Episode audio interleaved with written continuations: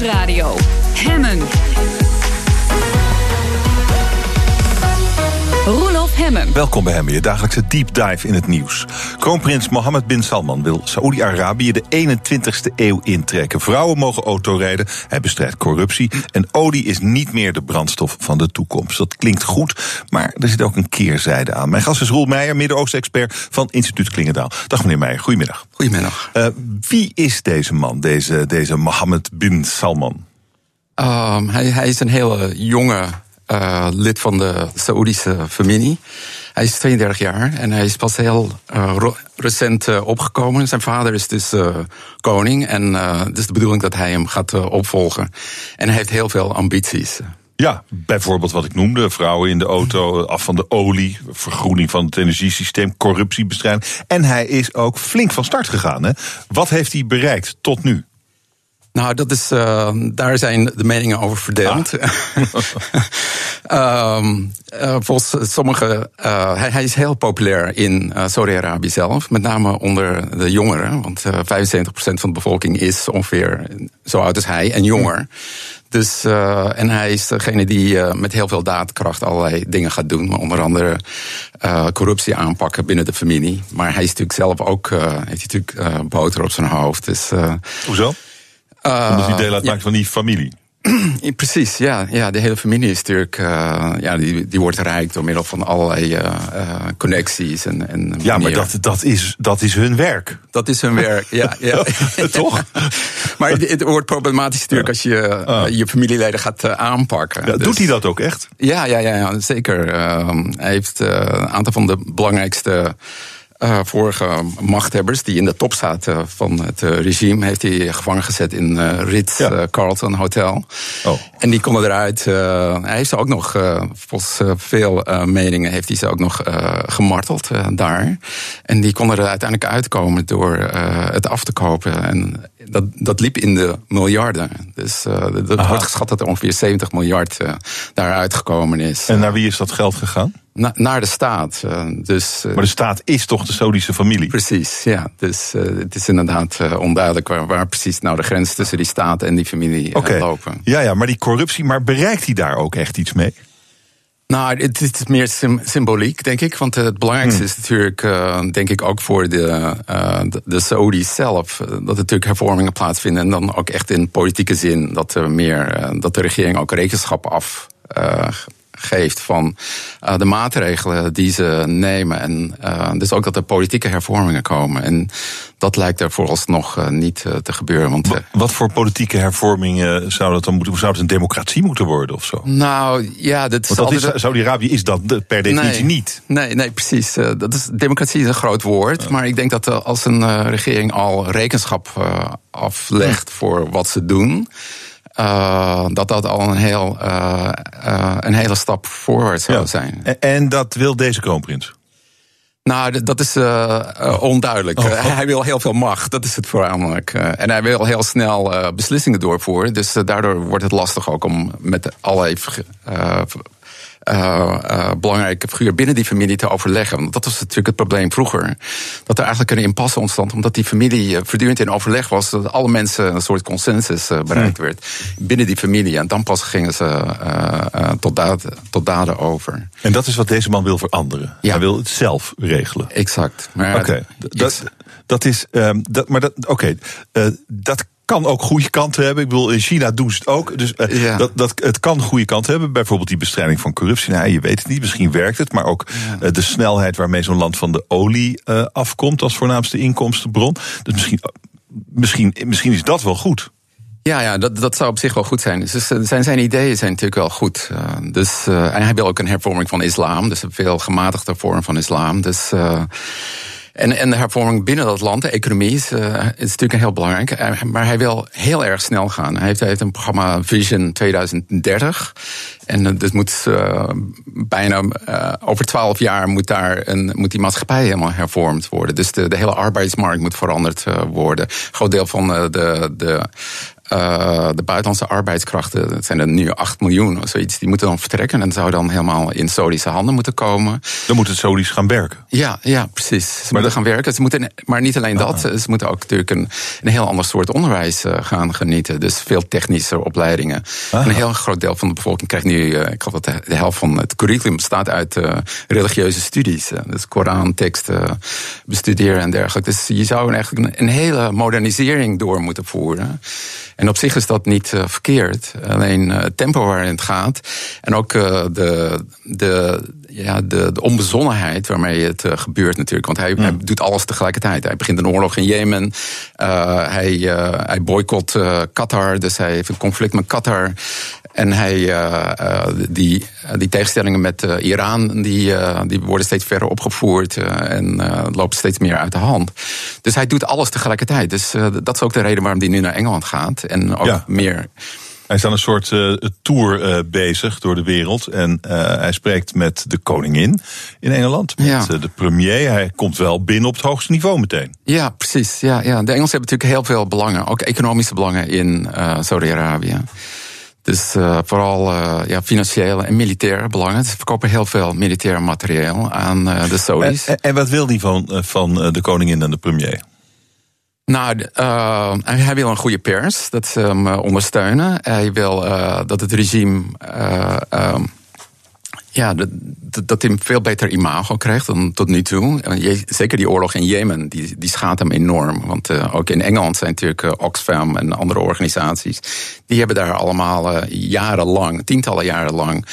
Jemen ondersteund. En er dreigt nu een humanitaire ramp te gebeuren. Dus hij, hij moet dat, uh, zeg maar, de nadruk gaan leggen op hervormingen en op zijn betrouwbaarheid ook. Voor, om, uh, wil hij investeringen aantrekken. Dus niet, niet dat hij zomaar, uh, niet alleen zijn familieleden, maar er zijn natuurlijk ook belangrijke investeerders en, en mensen met heel veel economische belangen. Dus dat hij niet die allemaal gevangen zet willekeurig, maar dat er ook een hmm. soort rule of law is. dus dat mensen ook het investeringsklimaat beter, verbetert.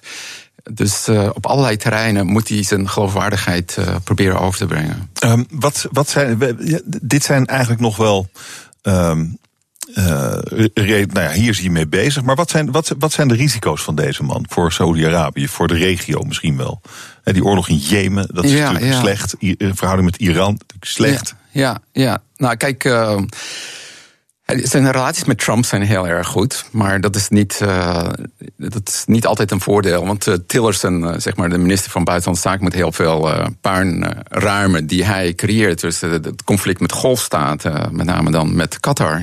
En de Amerikanen hebben daar heel grote belangen natuurlijk. Hebben daar een, een vliegtuigbasis en een dergelijke. Het centrum voor hmm.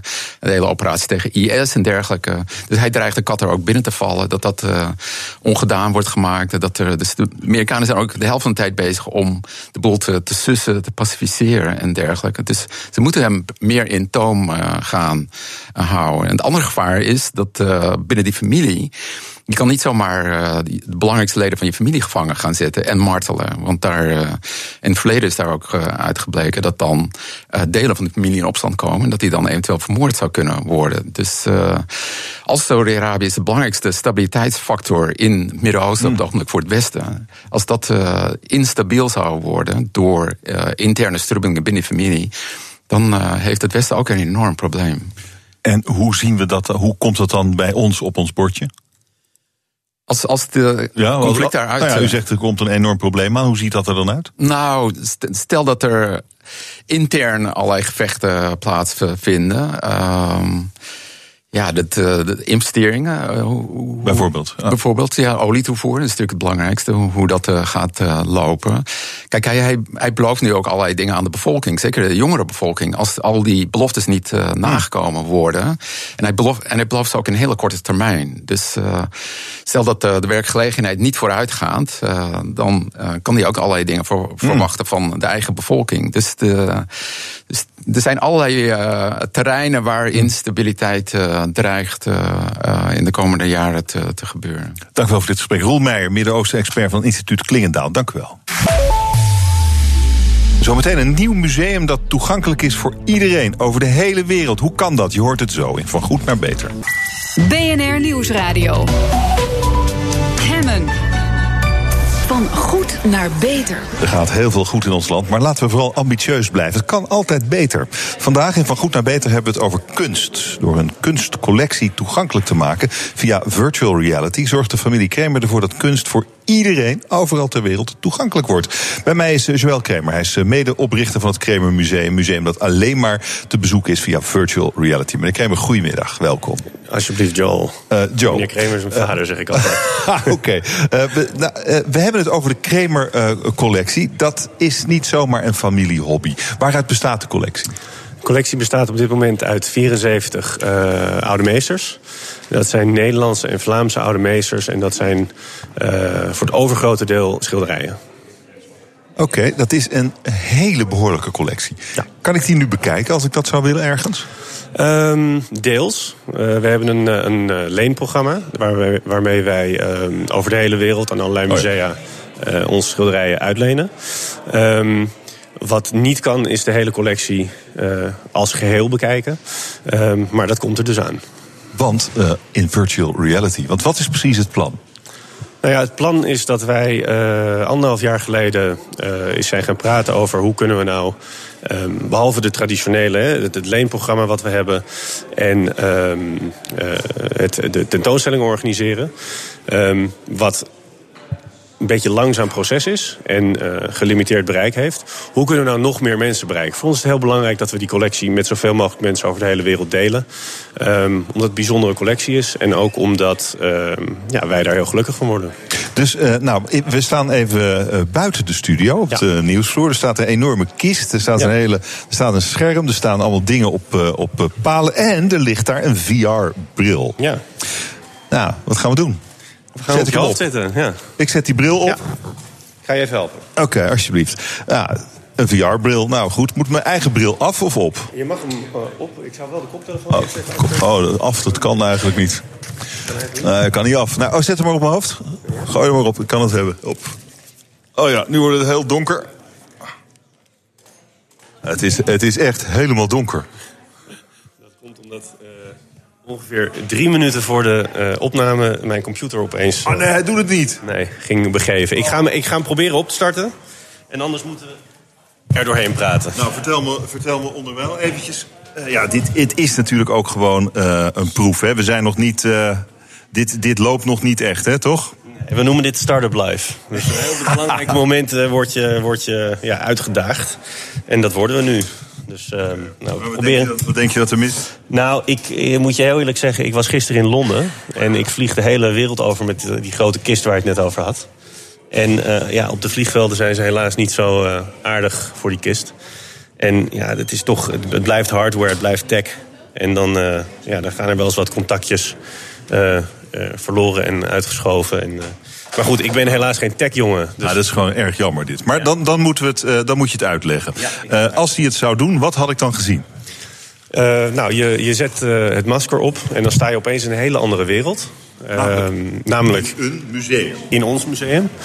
Um, en het is, het is heel echt. Uh, veel mensen die virtual reality ervaring hebben, die zien uh, geanimeerde beelden. En, uh, dit is gewoon een, een, ja, een hele echte omgeving. Um, het is een, een, een doom, een koepel, waarin je staat met vijf loopbruggen. En aan het einde van die loopbruggen zijn, is de entree naar een gallery. zo hebben we een Rembrandt Gallery met de Rembrandtschool, Caravagisme, de Haarlemschool.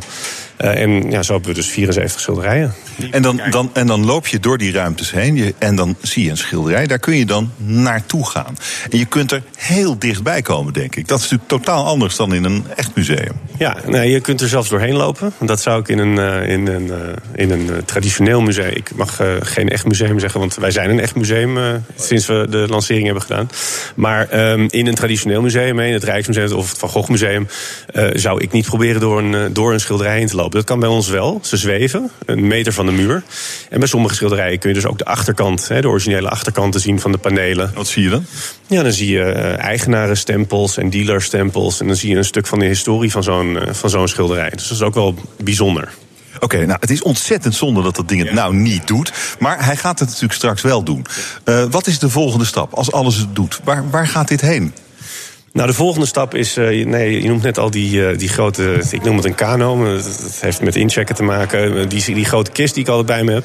We zijn bezig om een mobiele versie te maken. Uh, deze setup die ik nu bij me heb, die is niet ontzettend geschikt voor heel veel distributie. Hè. Dit krijg je niet zo makkelijk bij, bij mensen thuis. Het is ook vrij kostbaar. Um, mobiele telefoon heeft uh, zeker in de westerse wereld, maar ook in, uh, in het Verre Oosten, in het Midden-Oosten, heeft iedereen een mobiele telefoon. Zeker in de toekomst. Um, en dus uh, zijn we daarvoor aan het ontwikkelen. En um, er zijn twee oplossingen voor. Eén is dat je een, met je eigen mobiele telefoon een maskertje koopt voor 50 euro. En uh, die klik je, uh, daar klik je mobiele telefoon in. Uh, je downloadt een app en, en je kunt het museum zien. Dat is de eerste oplossing. En bedrijven als HTC en Google die zijn ook bezig met wat ze noemen standalone headsets. Een beetje technisch verhaal, maar daar zit de tracking. Hè, dus dat je rondloopt. Of de, jouw positie ten opzichte van een muur, die zit al in het masker. Dus dan bots je niet overal tegenaan en kun je dus vrij bewegen, uh, net zoals je dat nu kunt. Dus dat, dat is waar het naartoe gaat. Uh, en dat is wat ons betreft mega belangrijk. Want zoals gezegd, het belangrijkste voor ons is dat we die collectie met zoveel mogelijk mensen delen. En dat, dat, dat is ideaal met een mobiele telefoon. Hoef je ook niet meer met die kist te sjouwen. Ja. Je downloadt de app en je hebt gewoon, je hebt gewoon toegang tot, tot al die werken. Ja, ja absoluut. En um, nou, wat wel natuurlijk zo is, uh, de, de allerhoogste kwaliteit. Daar hebben we voorlopig nog wel een computer voor nodig. Um, maar de kwaliteit op zo'n mobiel is op dit moment, uh, wat ik zie in onze prototypes, echt goed genoeg. Voor mensen die nog nooit dit soort kunst hebben gezien. Om ermee in aanraking te komen, geïnteresseerd te raken. Uh, Want, nou ja, dat zou ik zeggen. Het, het, het, ik wil wel dan ook een realistische weergave van zo'n schilderij. Maar uh, je zegt erbij, het is voor mensen die nog nooit in aanraking zijn geweest met die kunst. Welke mensen zijn dat? Voor wie maak je dit? Nou ja, we maken het en voor kunstliefhebbers die, uh, dat noemen we zeg maar snack size, uh, niet altijd uh, tijd hebben of zin hebben om naar het Van Gogh of naar het Rijksmuseum of naar het Louvre kunnen reizen in, in Parijs. Um, en die gewoon eventjes 20 minuten hun favoriete schilderijen willen kunnen bekijken. Um, maar ook natuurlijk een ontzettend grote groep mensen in India, in China, ja, die nooit uh, om politieke of financiële of, of wat voor reden ook hier naartoe zullen kunnen komen. Om de nachtwacht te zien, om uh, nou ja, de, de zonnebloemen te zien, uh, onze kunst te zien.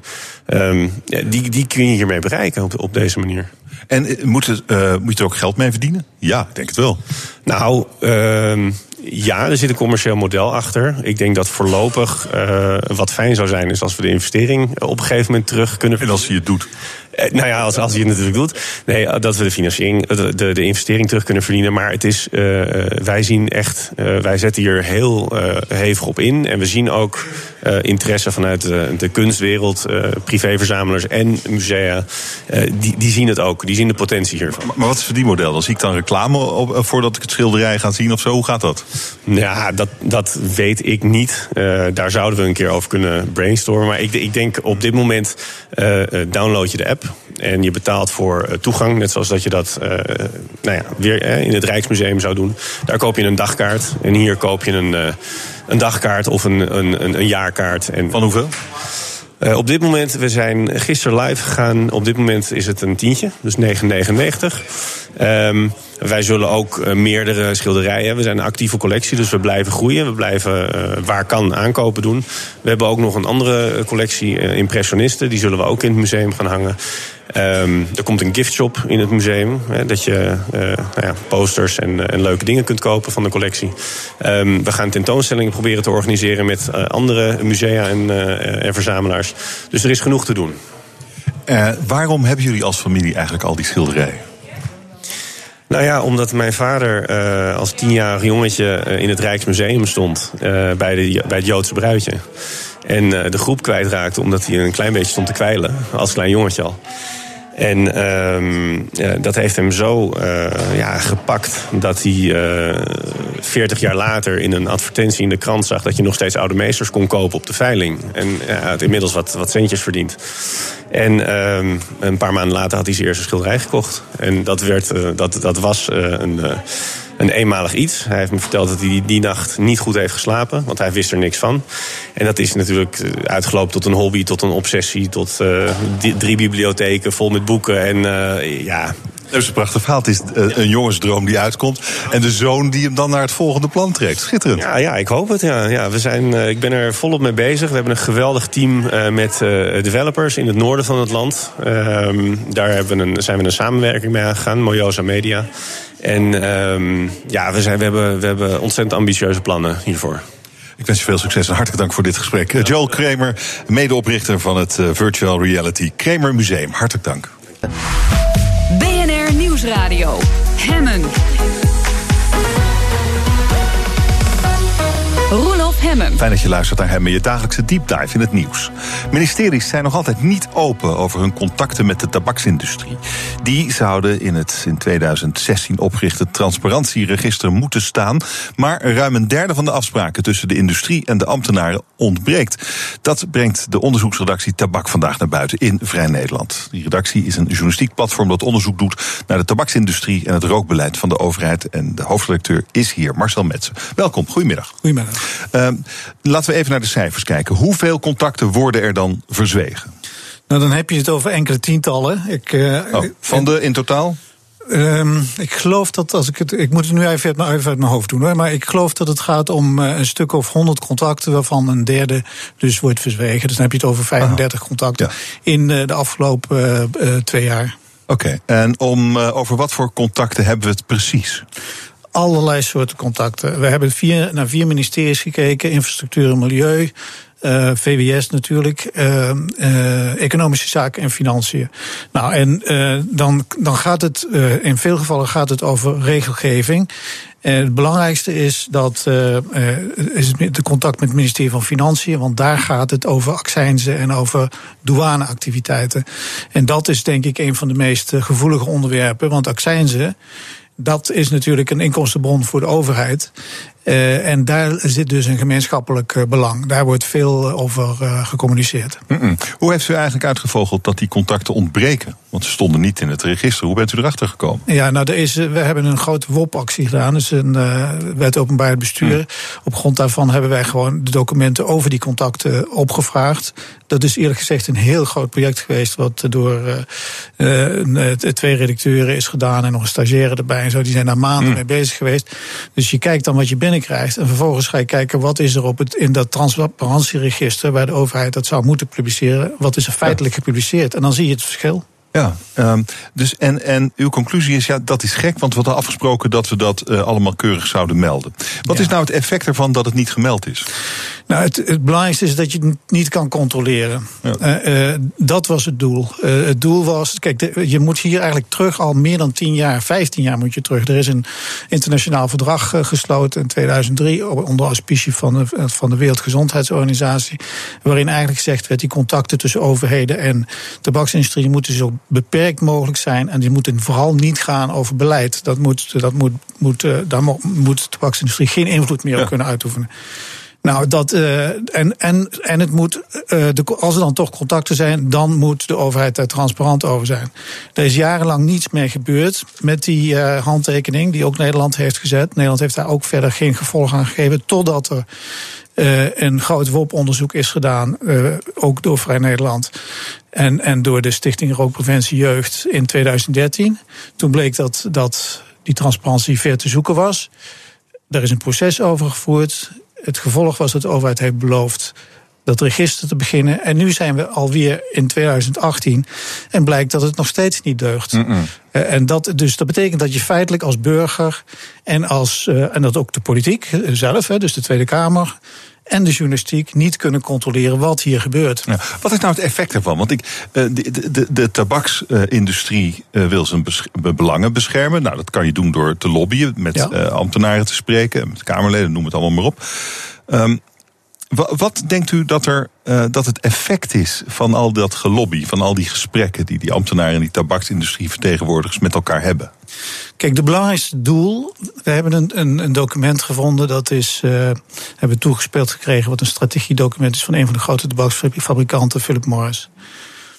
Daarin staat eigenlijk als een van de belangrijkste strategische doelen is wij willen twee dingen. We willen zo min mogelijk praten met ambtenaren en politici uh, op het gebied van volksgezondheid.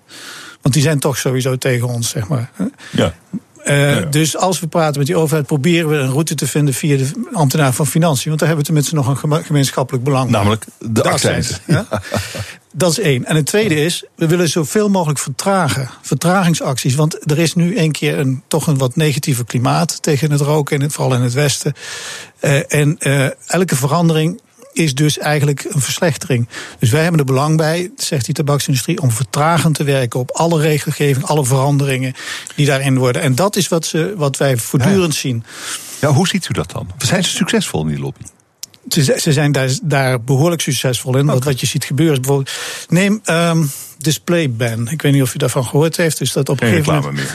Die, die, pakjes die mogen dan niet meer uitgestald worden op een gegeven moment in de supermarkt ja. en in de tankstations. Nou, wat, wat zie je dat ze voor elkaar hebben gekregen? Dat de invoering daarvan, dat die pas He, dus daar is er geloof ik alweer, ook alweer vijf jaar over gesproken. De invoering daarvan begint dan bij de uh, supermarkt in 2020 pas. En de, en de benzinestations mogen nog meer doorgaan tot 2022. Dat ah. is dus allemaal gewonnen tijd voor die tabaksindustrie. En, oh, ja, oké. Okay. Maar is dat uh, uh, één op één te danken aan de inspanningen van die lobbyisten? Want die zouden dan wel extreem succesvol zijn.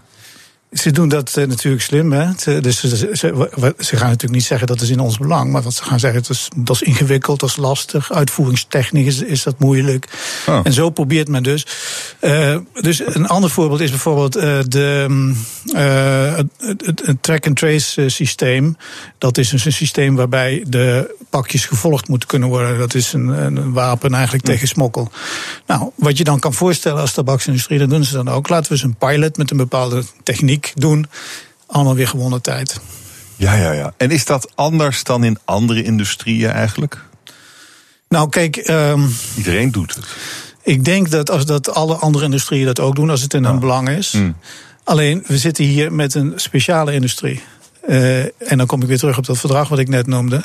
Het is een heel uitgesproken doelstelling van dat verdrag, wat dus ook Nederland heeft ondertekend, ja. om het roken terug te dringen. Ja, zo simpel is het. Uh, en, en, en, dat is niet het geval met de verkoop van, van uh, laten we zeggen, computers of zo. En, en, denkt u dat dat vooral komt door de ambtenaren van het ministerie van Financiën? Dat die zich zo laten belobbyen en meegaan met die lobby? Nou ja, dus, sorry, de cijfers die laten dat dan zien. Ja, ja. Ja, maar ze, ze, hebben, ze zijn in goed gezelschap. We hebben net ook een soort gelijk onderzoek gedaan eh, naar de Europese Commissie. En de belastingambtenaren van de Europese Commissie die zijn nog veel erger. Uh, dus die, die, die nodigen zelf de tabaksindustrie nog steeds, uh, nog steeds uit om hun mening te, te komen geven over accijnsrichtlijnen en zo. En om presentaties te komen geven over nieuwe producten. Dat, dat is gewoon. Uh, terwijl de EU-ombudsman. Dat overigens een vrouw is, maar die functie heet nou een keer ombudsman. Die heeft al een jaar geleden dus kijk, anderhalf jaar geleden ongeveer, heeft hij gezegd van na een onderzoek van ja, dit kan helemaal niet. Dit is, dit is gewoon wanbeleid van de commissie. De ambtenaren gaan er gewoon mee door. Waarom is dat? Kennelijk, kennelijk heeft het toch onvoldoende prioriteit. Zit er dus niet tussen die oren dat dit geen gewone industrie is. Dat, uh, dat je die dus anders moet behandelen dan andere industrieën. Uh, en ook, moet ik zeggen, kennelijk zit het dus niet in, uh, in het hoofd van de Europese Commissie. En kennelijk zit het ook niet in het hoofd van onze eigen ministers en onze eigen regering. Uh, dus er wordt wel gezegd officieel dat er een soort ontmoedigingsbeleid moet worden gevoerd. Maar als je gaat kijken wat er in de praktijk gebeurt, dan valt dat dus vies tegen. Dan is dat, stelt dat heel weinig voor. Toch uh, hoorde ik uh, laatst uh, directeur Nederland van Philip Morris zeggen dat zijn industrie erop, of zijn bedrijf in elk geval erop gericht is om het roken uit te bannen. Gelooft u het zelf?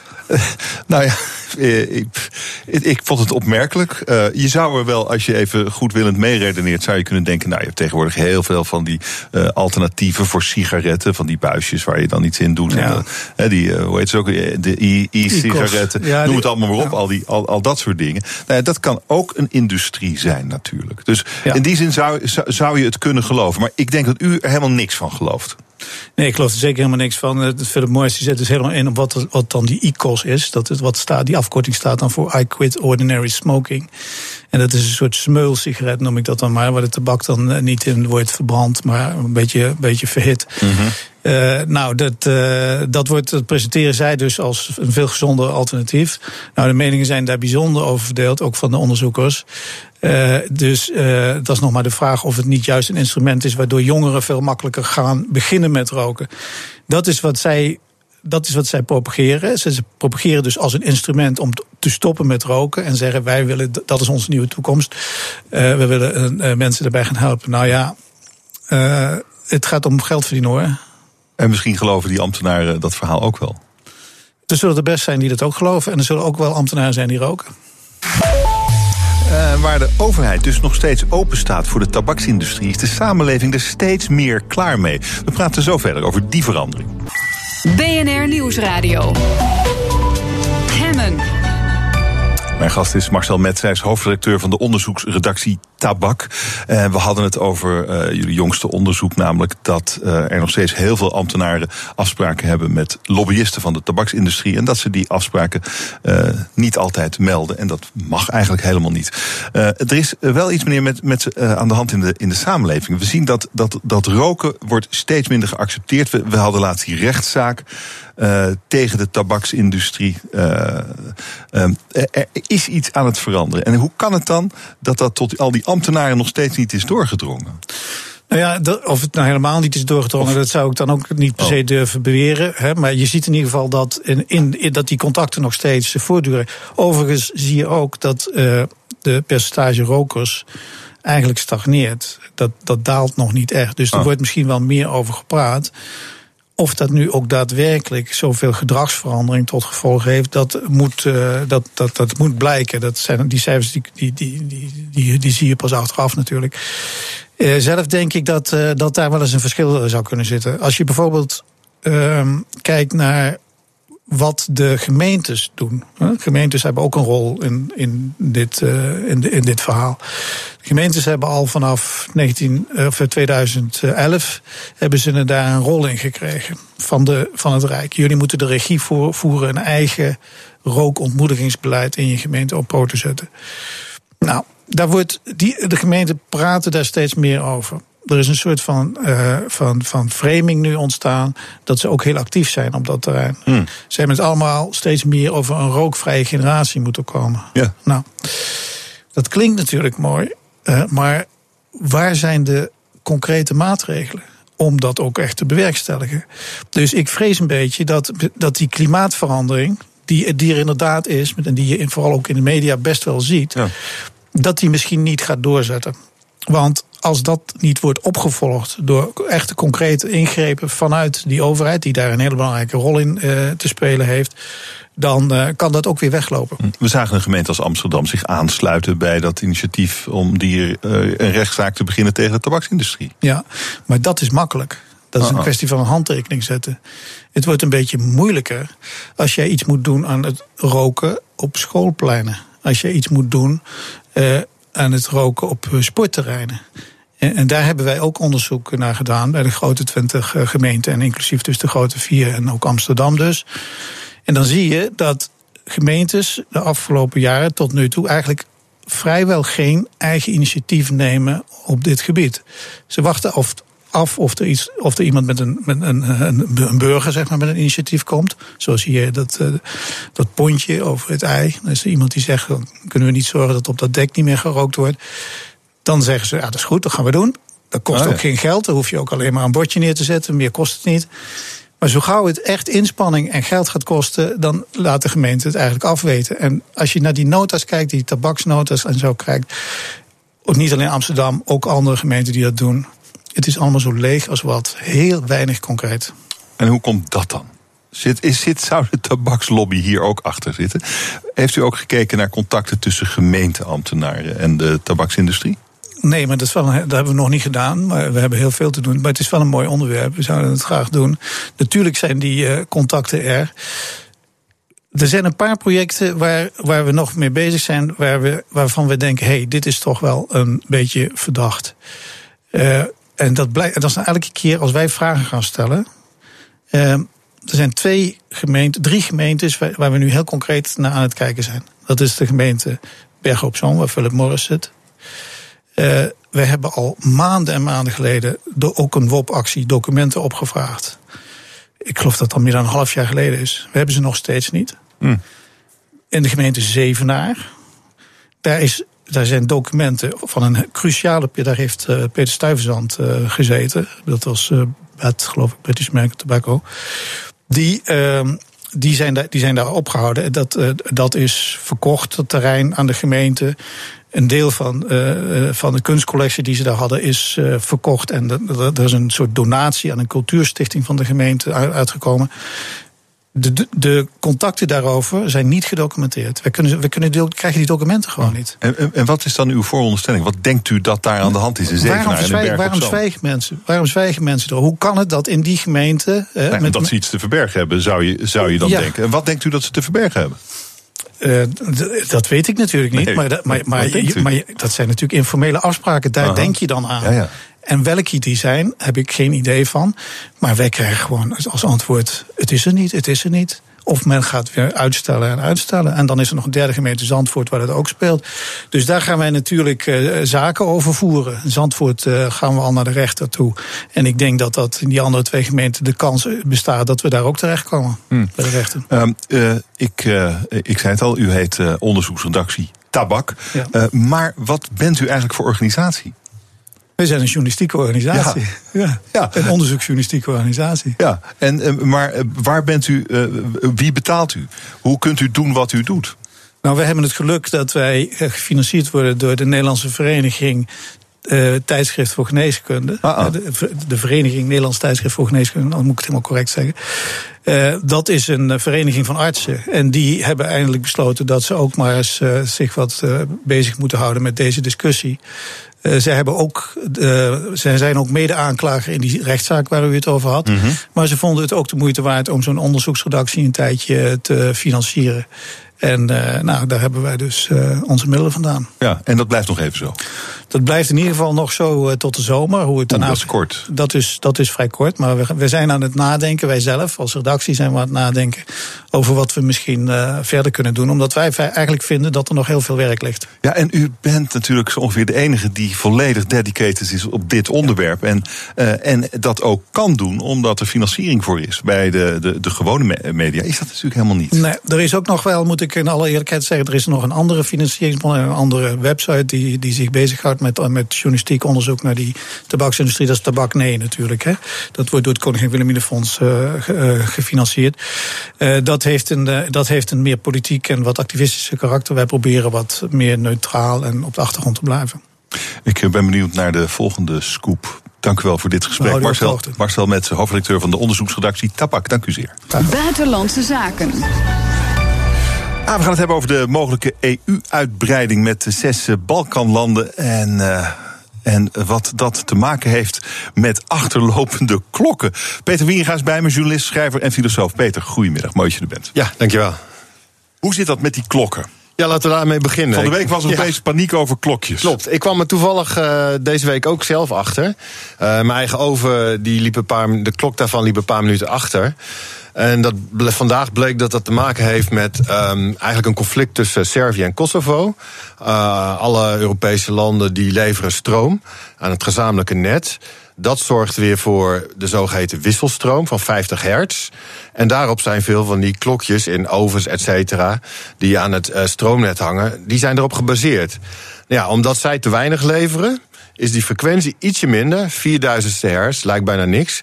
Maar dat scheelt dus elke twee weken ongeveer een minuut. okay. dus, uh, ja, dus, dus gaan die klokken langzaam achterlopen. En dat zagen, nou ja, dat zagen mensen. En dat is deze, uh, deze week ook bevestigd ja. dus. Ja. En toen dacht jij, uh, er zitten vast nog meer haken en ogen aan die uitbreiding. Nou ja, er zitten inderdaad nog wel meer haken en ogen aan. Maar dit is, kijk, dit is gewoon een voorbeeld van de animositeit die er nog steeds is tussen Servië en Kosovo. Kosovo natuurlijk afgescheiden na een uh, bloedige oorlog, waar uiteindelijk de NAVO moest ingrijpen.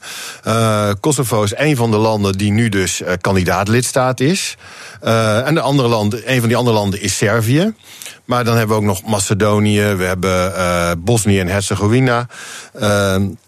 en um, waar het vooral om gaat, is dat er, er zit nog heel veel oud zeer tussen die landen onderling. Mm heeft bijvoorbeeld te maken met de uh, Albaanse minderheid in een land als Macedonië. wat ook weer speelt in conflict tussen Kosovo en Servië. Nou, dan heb je nog Albanië, ook een van de kandidaat-lidstaten. Uh, er zijn ook nog problemen van uh, corruptie, uh, georganiseerde misdaad. Uh, en nou, laat het duidelijk zijn en dat, dat er ook nog onderling veel oud zeer is. Misschien wel een van de grappigste voorbeelden, vind ik zelf, dan is um, tussen Macedonië en Griekenland. Oh ja. de Grieken zijn nog steeds heel boos over überhaupt de naam Macedonië. Uh, in februari zijn er zelfs in Griekenland 100.000 mensen de straat op gegaan om daartegen te demonstreren. Want zij vinden dat die naam van hun is. Ja, zij vinden dat die naam van hun is. Hè. Het verwijst natuurlijk naar de Macedoniërs van uh, Alexander de Grote.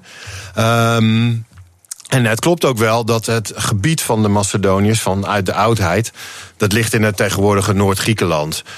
Maar het grappige is eigenlijk dat in de oudheid zelf men in Griekenland, met name in Athene, een behoorlijk hekel had aan Alexander de Grote en die Macedoniërs. Dat vonden ze maar boeren, halve Grieken. Uh, maar nu willen ze hem natuurlijk graag claimen. En daar hebben ze ook wel de meeste aanspraak op. Maar het, het, ligt, het ligt dus voor hen zo gevoelig. dat er zelfs een keer een Griekse minister geweigerd heeft. toen hij naar Macedonië moest om te landen in Macedonië op het vliegveld Alexander de Grote. Dat vertikte die. Hij is gevlogen naar Kosovo en heeft vandaar de auto gepakt naar Macedonië. Dus ja, nou, dus, dus, er zitten nog allemaal oude. Hè, het is natuurlijk een, altijd wel een, een broeinest, een brandpunt geweest, de, de Balkan. Maar uh, aan de andere kant wil de EU en met name de Europese Commissie onder leiding van uh, Juncker wil heel graag dat die landen er zo snel mogelijk bij komen. Uh, ja, de vraag is dan een beetje waarom eigenlijk? Waarom? Nou ja, Jong. ja, als je dit allemaal zo hoort, zou je denken: ja, waarom moeten we dat in godsnaam doen?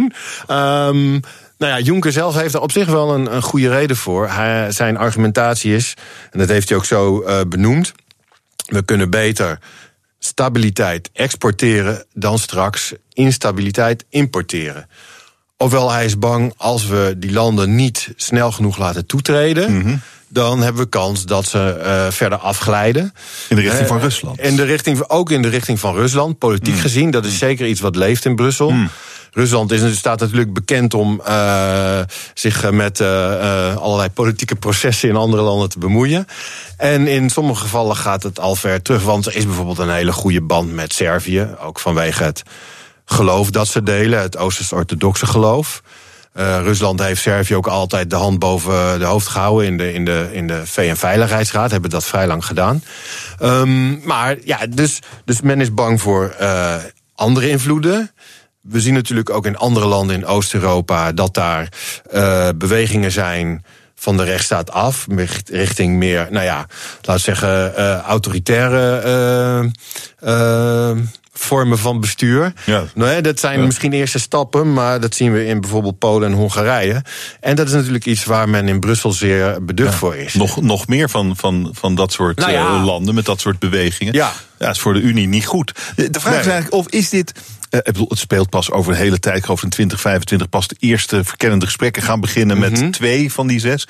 Ja. Uh, maar je, je, moet je wel afvragen of dat verstandig is. Ja, ik denk zeker dat je dat moet afvragen. Uh, overigens wil Juncker het, het, eigenlijk nog sneller doen. Hè? Maar goed, het gaat, Juncker is niet degene die erover gaat. Dat zijn we allemaal met elkaar, alle lidstaten. En dat moet op basis van unanimiteit. Dus het zal niet zo snel gaan, daar heb je helemaal gelijk in. Maar ik denk dat wat, wat we vooral goed moeten beseffen is um, dat we eigenlijk, laten we zeggen, eerst als Europa, waar zoveel speelt, waar toch nog steeds onvrede is in verschillende landen. Je ziet nu ook met de verkiezingsuitslag in Italië. Dat is toch echt weer een populistische tegenstem tegen uh, Europa. Hmm. Uh, en de, uh, laten we zeggen, de, de elites tussen aanhalingstekens in Rome die zich daaraan conformeren.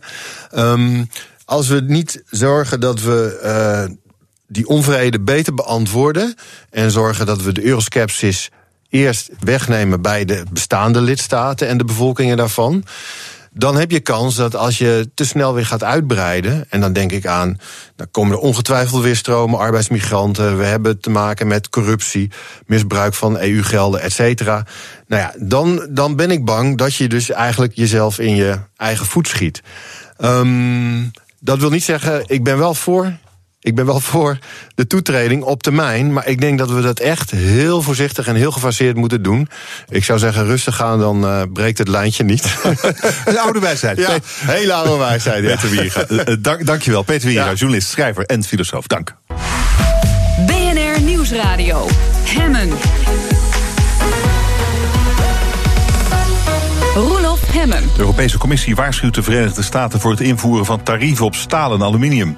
Op een persconferentie werden zojuist de tegenmaatregelen bekendgemaakt. Laurens Groeneveld is bij me, onze Europa-verslaggever. Wat wordt de tegenreactie van Europa? De Europese Commissie komt met een uh, driepuntenplan en daarmee moet de Europese economie worden beschermd en het moet heel duidelijk de Amerikanen afschrikken. Luister maar even mee. We will do three things. We will take this case to the WTO, possibly with other allies. We will have safeguard measures on our steel and aluminium industry.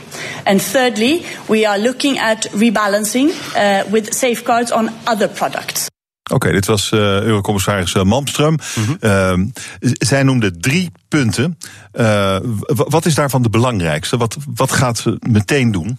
Uh, wat ze het snelste kan gaan doen, is een zaak beginnen bij de WTO, de Wereldhandelsorganisatie. Mm -hmm. Want zij zegt, wat Amerikanen doen, dat is eigenlijk, dat schaadt onze directe relatie. Want ja. ze voeren die tarieven in onder het mom van nationale veiligheid. En zij zegt dat is totale onzin. Want het gaat om een heel klein percentage van de totale handelsbalans. En daarnaast zijn het producten die de Amerikanen helemaal niet kunnen maken. En kan de WTO uh, de Verenigde Staten dwingen om ermee te stoppen?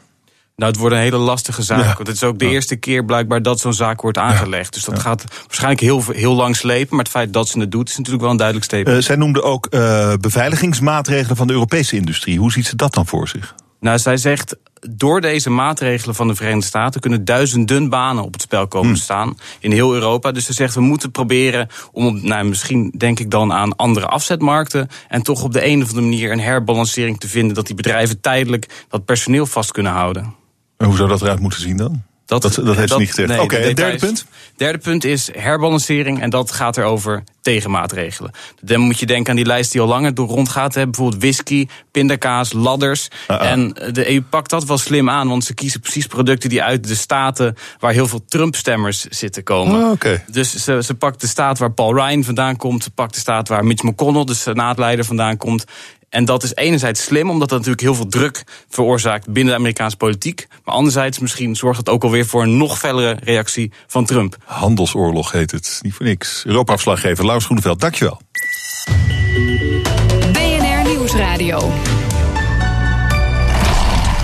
We lezen de verhalen over raadsleden die nauwelijks te vinden zijn. Criminelen die op een plek in het plush azen en lokale democratie... die aan versplintering ten onder dreigt te gaan. Om te horen hoe het echt gaat in de gemeente... spreek ik deze week vijf kopstukken uit de lokale politiek. De Big Five. Met vandaag Maarten Struivenberg. Hij is wethouder werkgelegenheid en economie voor Leefbaar Rotterdam. Samen met Forum voor Democratie stort de partij zich in het Rotterdamse verkiezingsgeweld. Maarten Struivenberg, welkom. Mooi dat u er bent. Dank u wel. Uh, u bent vier jaar wethouder. Uw doel was, een van uw doelen was 12.000 mensen uit de bijstand halen. Dat is gelukt. Van harte gefeliciteerd. Zijn er zelfs 15.000 geworden. Ja. Hoe heeft u dat gedaan? Uh, we hebben uh, vooral nadruk gelegd op wat mensen wel kunnen, in plaats van te kijken naar wat mensen niet kunnen. En uh, heel goed in contact treden met werkgevers en een goede match maken, zoals dat heet. Dus de juiste persoon op de juiste vacature weten te plaatsen. daar worden we steeds beter in om dat, om dat te doen. En natuurlijk, de economie zat de afgelopen jaren natuurlijk mee. dus dan word je daar natuurlijk wel geholpen. Ja. ja.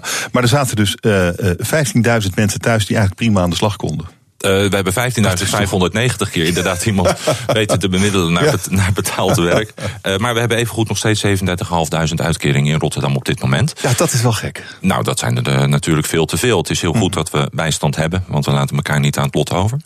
Um, maar je moet wel proberen zoveel mogelijk van die mensen financieel zelfstandig te maken. Dat is goed voor hen zelf op de eerste plaats. Maar het is natuurlijk ook goed, goed voor werkgevers, ja. wanneer ze een mooie arbeidskracht hebben en geen tekort daar hebben. En het scheelt ontzettend veel geld, ja. laten we eerlijk zijn. Uh, maar om al die mensen aan, uh, aan het werk te helpen, uh, u heeft ze natuurlijk de, de mogelijkheden laten zien. U heeft ze een ja. beetje zachtjes geduwd. Ja. Maar u bent ook gewoon keihard geweest. U heeft ook onterechte uitkeringen in uw ogen, onterechte uitkeringen gewoon gestopt. Ja, dat, Hoe dat- vaak is dat, eh, is dat voorgekomen de afgelopen jaar? We hebben 12.000 extra eh, eh, heronderzoeken gedaan, zoals dat heet. Normaal, als je een signaal krijgt dat er mogelijk ergens fraude wordt gepleegd, dan ga je daar achteraan. Dat doen denk ik alle gemeenten wel. Dat doet de gemeente Rotterdam ook. En dan kijk je of dat klopt of niet. Maar we hebben daar bovenop nog eens een keer 12.000 keer in vier jaar tijd, 3000 keer per jaar.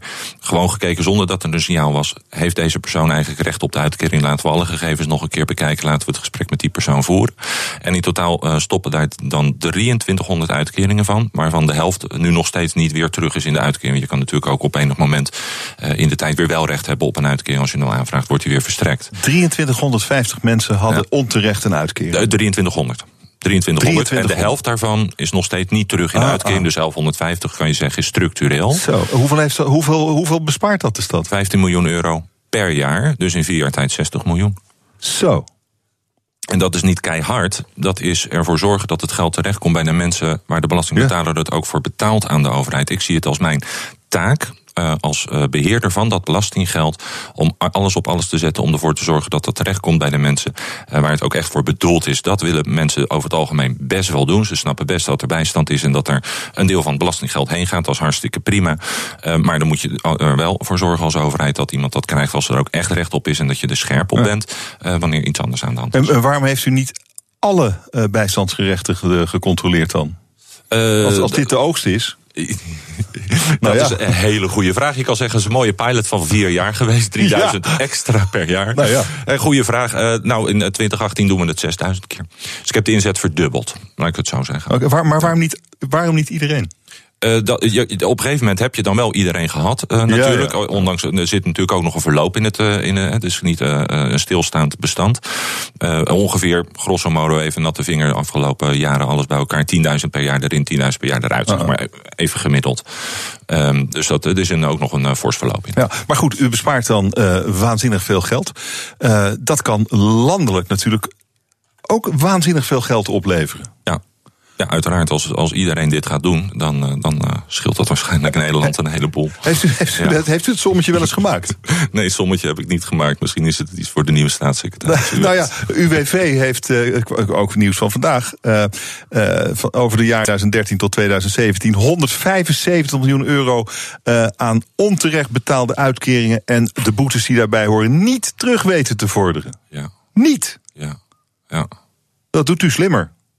Nou, nou ja, de kant, eh, kwestie, eh, dit gaat over terugvorderingen. Ja. Waar ik het over heb is besparing. Ja, je stopt Ja. een uitkering. Dus eh, in een jaar krijg je gemiddeld 14.200 euro aan bijstandsuitkering. Dat is het gemiddelde. Dus als je er eentje stopt, scheelt het in een jaar tijd 14.200 euro. Dat is bespaard geld wat je niet hebt uitgegeven. Wat je anders wel had gedaan als je niet achter was gekomen. Dit gaat over terugvorderingen. Dat betekent dat iemand ook nog terug moet gaan betalen wat hij heeft gehad. En soms ook nog met een boete erbij. Oh, doet Omdat- u dat niet? Ja, dat doen we ook. Maar dat is ook niet altijd te innen. Dat is, eh, dat Nee. is wel de eerlijkheid eh, eh, van de zaken. Oké, dus je moet het vooral zien te voorkomen. Want terugbetalen, ja, dat is eigenlijk niet te doen. Van een kale kikker. Nou, je moet juist altijd inzetten op terugvordering. Want alle, Ja. elke euro die terugkomt, Ja, is er eentje extra. Ehm, en ik weet niet hoeveel dat eh, precies bij het UWV is. Maar laten we eerlijk zijn, het lukt niet altijd om dat ook echt daadwerkelijk terug te krijgen. Dat is gewoon zo. Nou, u bent hartstikke druk bezig geweest de afgelopen vier jaar.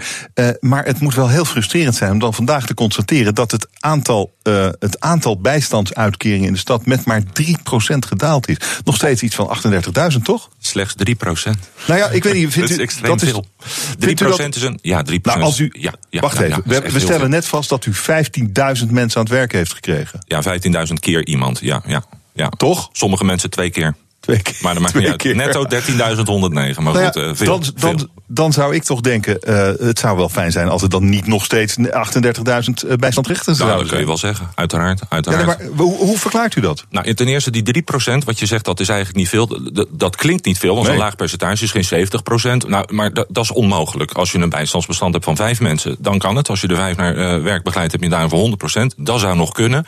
Maar als je een kleine 40.000 uitkeringen hebt, dan is 3% eh, eh, daling in afgelopen jaar, in 2017, in één jaar tijd, is echt serieus veel. En er zitten ook een aantal effecten in heel Nederland, hoor, niet speciaal voor Rotterdam, die ervoor zorgen dat de instroom in de bijstand wat hoger is. Of in ieder geval het aantal mensen in de bijstand wat hoger is. Dat is het opschuiven van de pensioenleeftijd. Duurt het iets langer voordat je de bijstand uitgaat en in de AOW terechtkomt. ten tweede hebben we een migratiecrisis gehad, die natuurlijk wat groter was dan, dan zomaar in een regulier jaar.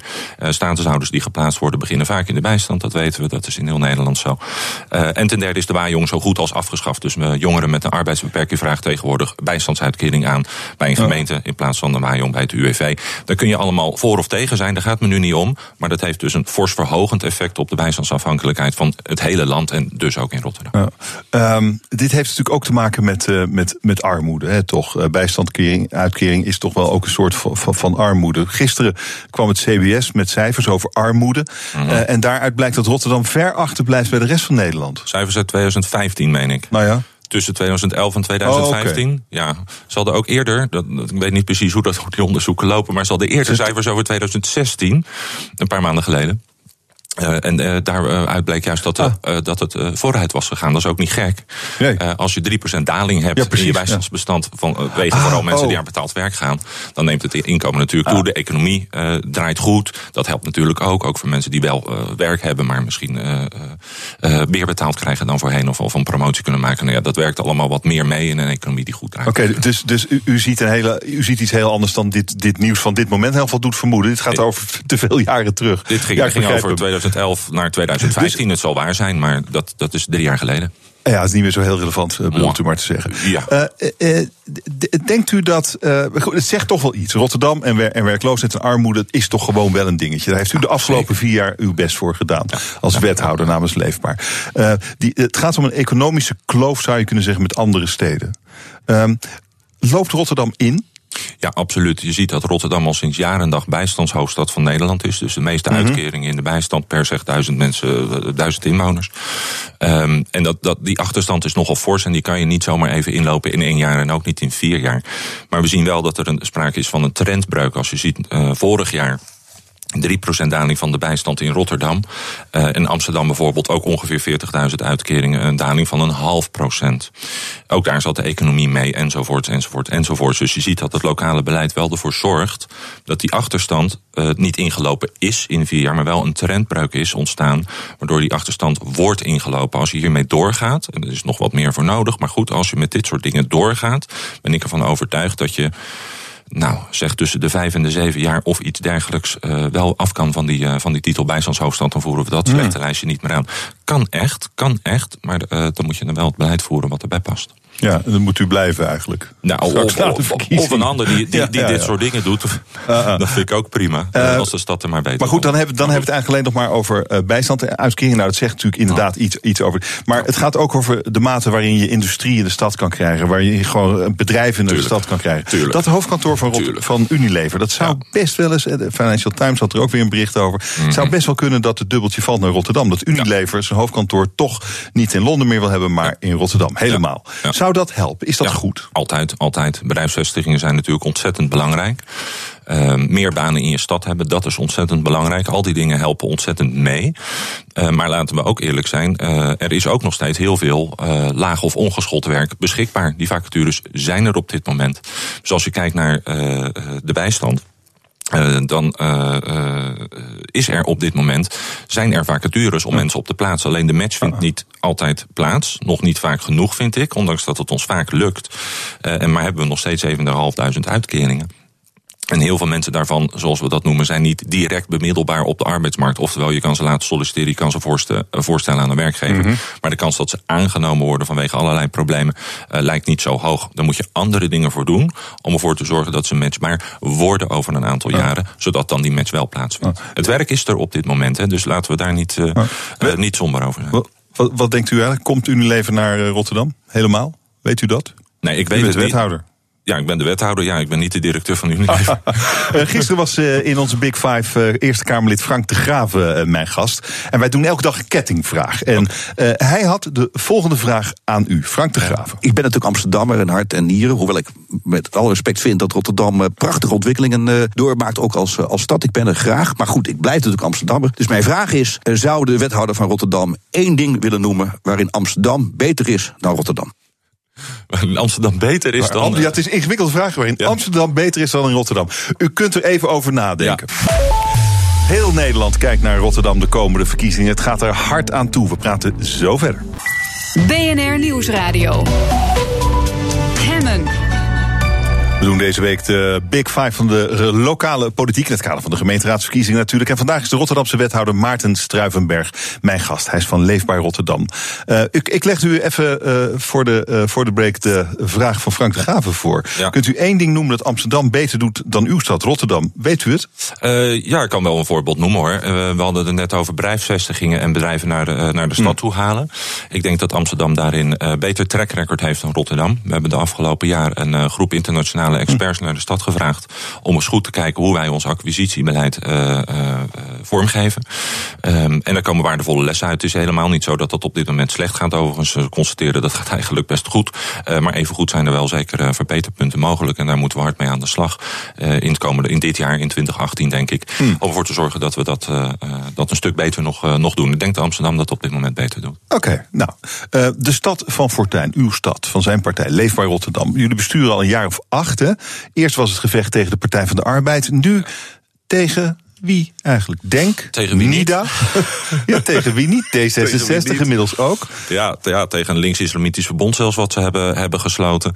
Uh, maar inderdaad, uh, de PVV doet mee aan de verkiezingen. Denk doet mee aan de verkiezingen. 50PLUS uh, doet ook mee aan de verkiezingen. Die zaten nog niet in de gemeenteraad van Rotterdam. We hebben al tien partijen in de gemeenteraad op dit moment. Het zou natuurlijk kunnen zijn dat we na de verkiezingen 13 partijen in de, mm -hmm. in de gemeenteraad hebben. Ehm, dus het wordt een wat versplinterd politiek speelveld. Ten ja. opzichte van, nou zeg, vier jaar geleden. Toen zaten er nog acht partijen in de raad. Uh, het, het, gaat hard tegen hard. U begint al meteen links is, is islamitisch monsterverbond.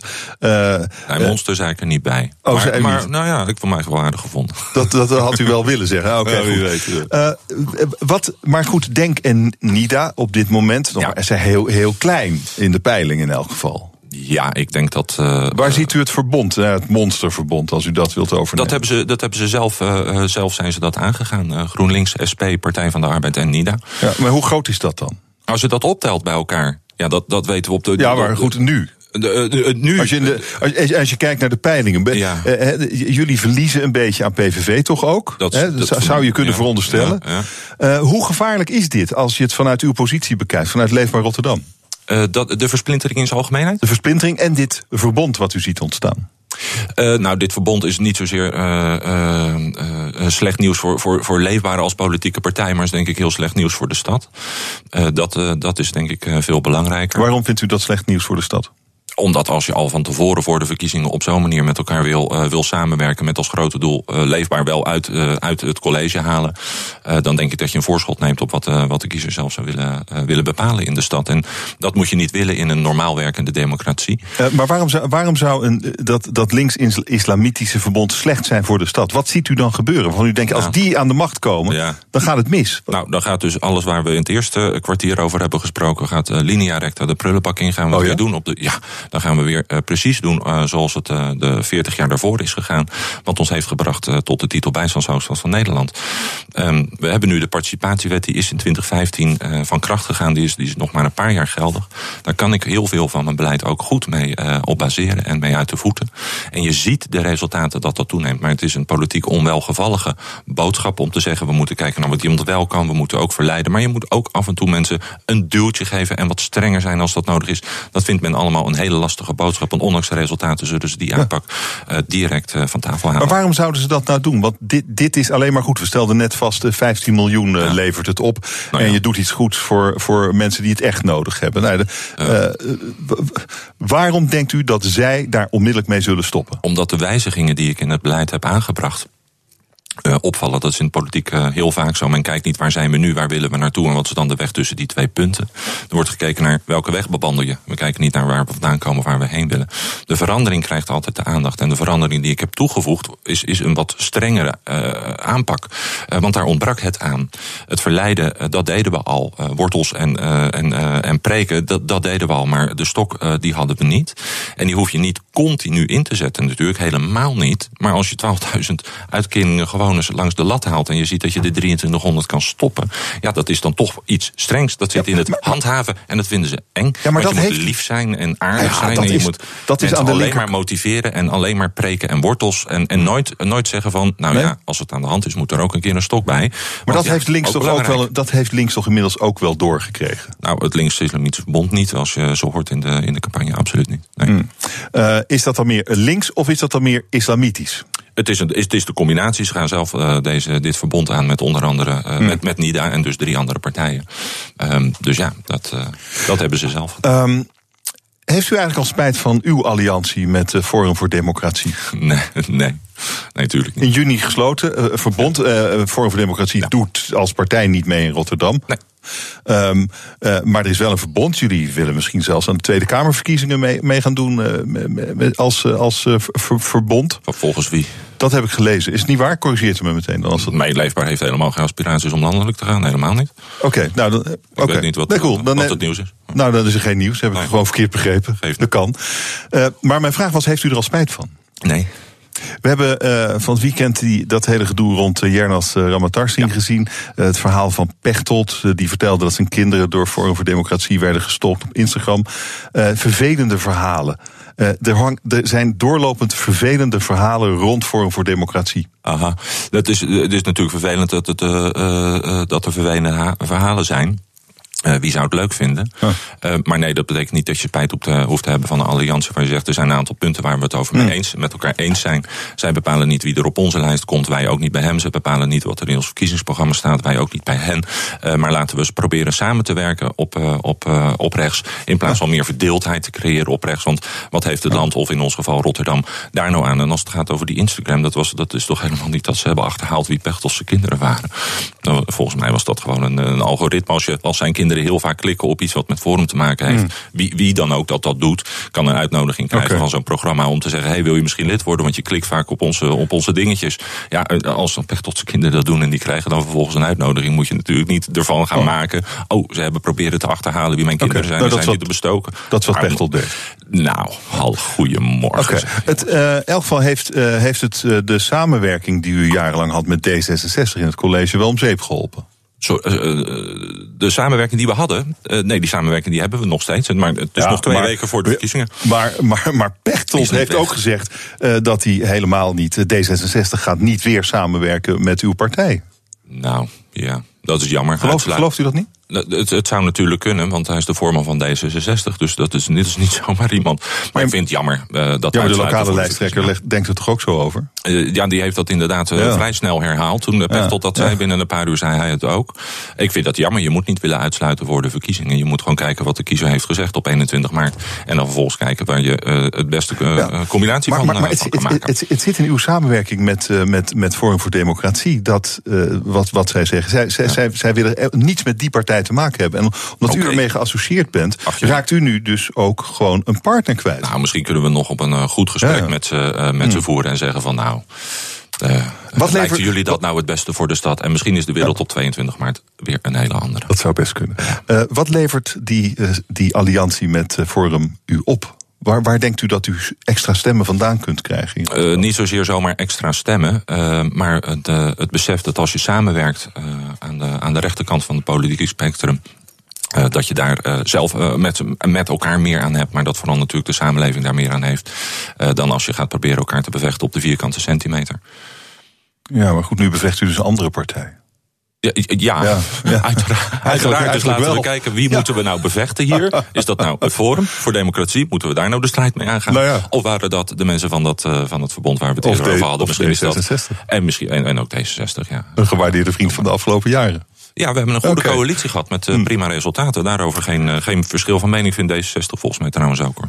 Eh, nou, 22 eh, maart weten we het. Morgen, meneer Struivenberg, is Lisbeth Spies te gast in de week van de lokale politiek. Zij is burgemeester van Al van der Rijn. En ze is ook voorzitter van het Nederlands Genootschap van Burgemeesters. Ooit was ze minister van Binnenlandse Zaken. Ze is een vrouw met een behoorlijke carrière. Wat zou u haar willen vragen? Wij hebben de afgelopen jaren met elkaar samengewerkt. Uh, met nog meer steden erbij, overigens hoor, meer gemeenten erbij om uh, op een project om uh, werkloosheid te bestrijden, om meer mensen op te leiden en, en banen te kunnen bieden in de bouw. En het lijkt mij zinvol, laat ik deze vraag stellen. Um, op welke gebieden zouden we nog meer moeten willen samenwerken in de komende vier jaar? Dank u wel voor dit gesprek. Maarten Struivenberg, wethouder voor Leefbaar Rotterdam in Rotterdam. Dank u zeer. BNR Nieuwsradio. Hemmen.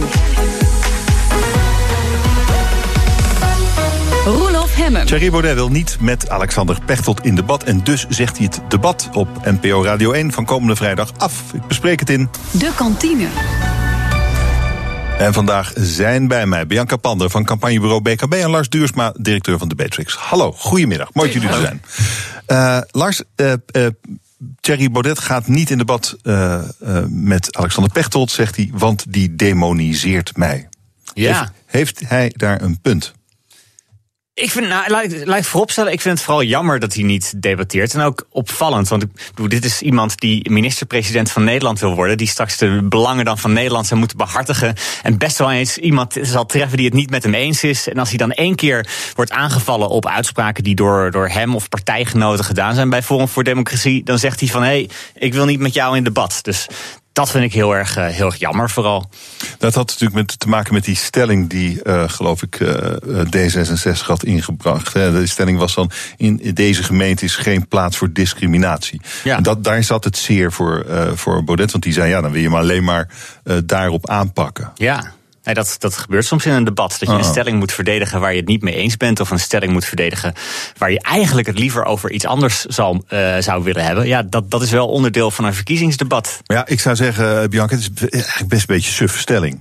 Want uh, wie, wie, wie, wie, wie, zegt dan, ja, natuurlijk mag je hier uh, discrimineren bij ja, ons het is een beetje natuurlijk ook bedoeld om wel Thierry Baudet uit de tent te lokken. Ja. En alle partijen mogen stellingen inbrengen. Dus als je een beetje slim bent, dan had Thierry Baudet ook een stelling kunnen inbrengen waar die D66 een beetje mee de tent zou kunnen lokken. Ja, maar hij kan toch gewoon zeggen, ja, natuurlijk ben ik tegen de, de discriminatie. Ja, of zou het daar zitten? Zou hij dat niet willen zeggen? Nou, dat is natuurlijk, hij, hij is daar een beetje ambivalent in. Dus volgens mij, uh, hmm. ja, ik denk dat het een zwaktebod is. Aan de andere kant, voor zijn achterban zal het niet heel veel uitmaken. En bovendien denk ik dat het voor de kwaliteit van het debat ook niet heel erg is. Want Thierry Baudet's partij doet alleen maar mee in Amsterdam. En uh, de gemeenteraadsverkiezingen spelen in meerdere gemeenten dan Amsterdam. Dus. Ja, uh, je bedoelt eigenlijk, hij krijgt al veel te veel aandacht. Vind ik wel, ja. En omdat ook al mensen kunnen allemaal niet op zijn partij stemmen. Behalve hier in Amsterdam en de rest van Nederland niet. Dus ja, waarom zouden we zoveel aandacht aan hem moeten besteden? Ja. het moet vond... meer over die lokale politiek gaan. En lokale politici ja. moeten meer aan het woord. Ja, ik vond vooral zijn verklaring op zijn website opvallend. Want hij heeft heel veel moeite gedaan om uit te leggen waarom hij dat niet wil. En als ik een klein stukje mag voorlezen. De, de verklaring begint. U bent een dief. Nee, dat ben ik niet. U bent een dief. Nogmaals, dat ben ik niet.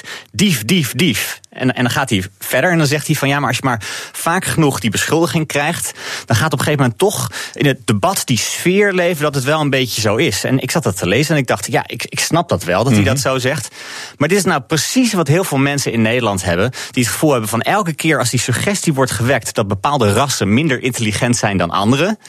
Ja, op een gegeven moment gaan mensen dan toch denken, als dat maar vaak genoeg herhaald wordt, ja, misschien ligt de waarheid dan toch een beetje in het midden. En het is natuurlijk wel zijn eigen partij die die suggestie oproept. Hè. Hij heeft er zelf geen afstand van genomen. Zijn nummer twee in Den Haag heeft het zelfs expliciet bevestigd. Nou ja, de nummer twee van de Forum voor Democratie in Amsterdam, die heeft het natuurlijk ook gezegd, die is nu weg. Mm -hmm. Maar ja, die, die zweem blijft daar wel een beetje hangen. Dus eigenlijk zou hij die verklaring op zijn eigen website nog eens goed moeten lezen. En zich afvragen waarom hij nou steeds de suggestie werkt dat bepaalde rassen minder intelligent zijn dan anderen. Nou ja, misschien, ja, misschien wel uh, met een reden.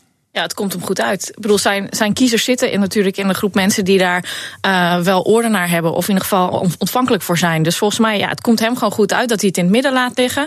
En dat zorgt ervoor dat hij steeds maar in de aandacht komt. Omdat uh, ja, mensen de hele tijd het debat met hem daarover willen aangaan. En de journalisten er ook de hele tijd op, op aanhaken. Dus ja, die man die heeft vrije publiciteit 24 uur per dag ongeveer. Door twee uitspraken mm -hmm. van mensen in zijn partij. Dan is het eigenlijk best uh, slim om niet naar zo'n debat te gaan. Nou, je ziet dat in het verleden. dat standpunt gezien. Nou ja, kijk, het is niet puur iets wat hij natuurlijk heeft gedaan. Je ziet het, Wilders die gaat ook niet naar het debat. En in het verleden hebben we ook gezien dat bijvoorbeeld de SP en de, de VVD hebben gekozen om in het begin van de campagne niet naar debatten te gaan. En, en nogmaals, je kan die afweging maken, maar ik vind het wel een hele jammere afweging, omdat juist zo'n debat nou juist hmm. de kiezer een gelegenheid om te zien van waar, waar verschillen partijen van mening over. En ja, als je alleen maar. Landelijke partijen, ja. natuurlijk wel. Ja, maar, maar, dat is, maar dat is dus het punt. Kijk, van, van mij hoeft dat debat met landelijke uh, fracties. Maar als het er dan toch is. Niet. Ja, maar, nee, maar het punt is, hij heeft toegezegd om er naartoe te komen. En als je toezegt en uiteindelijk dan afhaakt omdat je de stelling niet goed genoeg vindt, ja, dat, dat vind ik wel een zwaktebod. Hmm. Uh, er is eh, weer uh, iemand vertrokken uit de ambiance van president Trump. het gaat om Gary Cohn, topadviseur op economisch gebied. En dat zou te maken hebben, Bianca, met de, de, handelsoorlog op het gebied van staal die Trump nou ja, aan het ontketenen is, waar overigens de Europese Unie nu op gereageerd heeft. Ehm, uh, we, we, weten niet precies wat de reden is eigenlijk, want, maar dit zou het wel kunnen zijn. Wat denk jij? Ja, nou, hij heeft volgens mij uh, subtiel wel laten doorschemeren dat dit de reden is. Dat hij het gewoon niet eens is met de koers die, die Trump nu voert. Uh, en wat er nu gebeurt hier in Europa is natuurlijk exact waar hij voor Trump voor gewaarschuwd heeft. Van als je dit soort maatregelen neemt, dan krijg je terug. En dat is voor Amerika niet echt een heel gunstige, want ze isoleren zich steeds verder op deze manier. Nou ja, wat, er uh, gebeurd is, nieuws van een uurtje geleden. De Europese Commissie is meteen met tegenmaatregelen gekomen. Ja, nou, dat was te Die gaan er dus ook hard in. Ja, maar Europa hard genoeg, heeft ook niet... Je? Uh, ik weet niet precies hoe. Ik heb het debat niet kunnen volgen, want het was een uur geleden volgens mij nog aan de gang. Uh, maar ik denk dat het wel goed is dat Europa een signaal afgeeft van hé, hey, wij laten ons niet, niet, niet zo met ons zollen. En uh, die handelsbetrekkingen die moeten gewoon zuiver houden. En we moeten gewoon over en weer open, open handelsbetrekkingen hebben.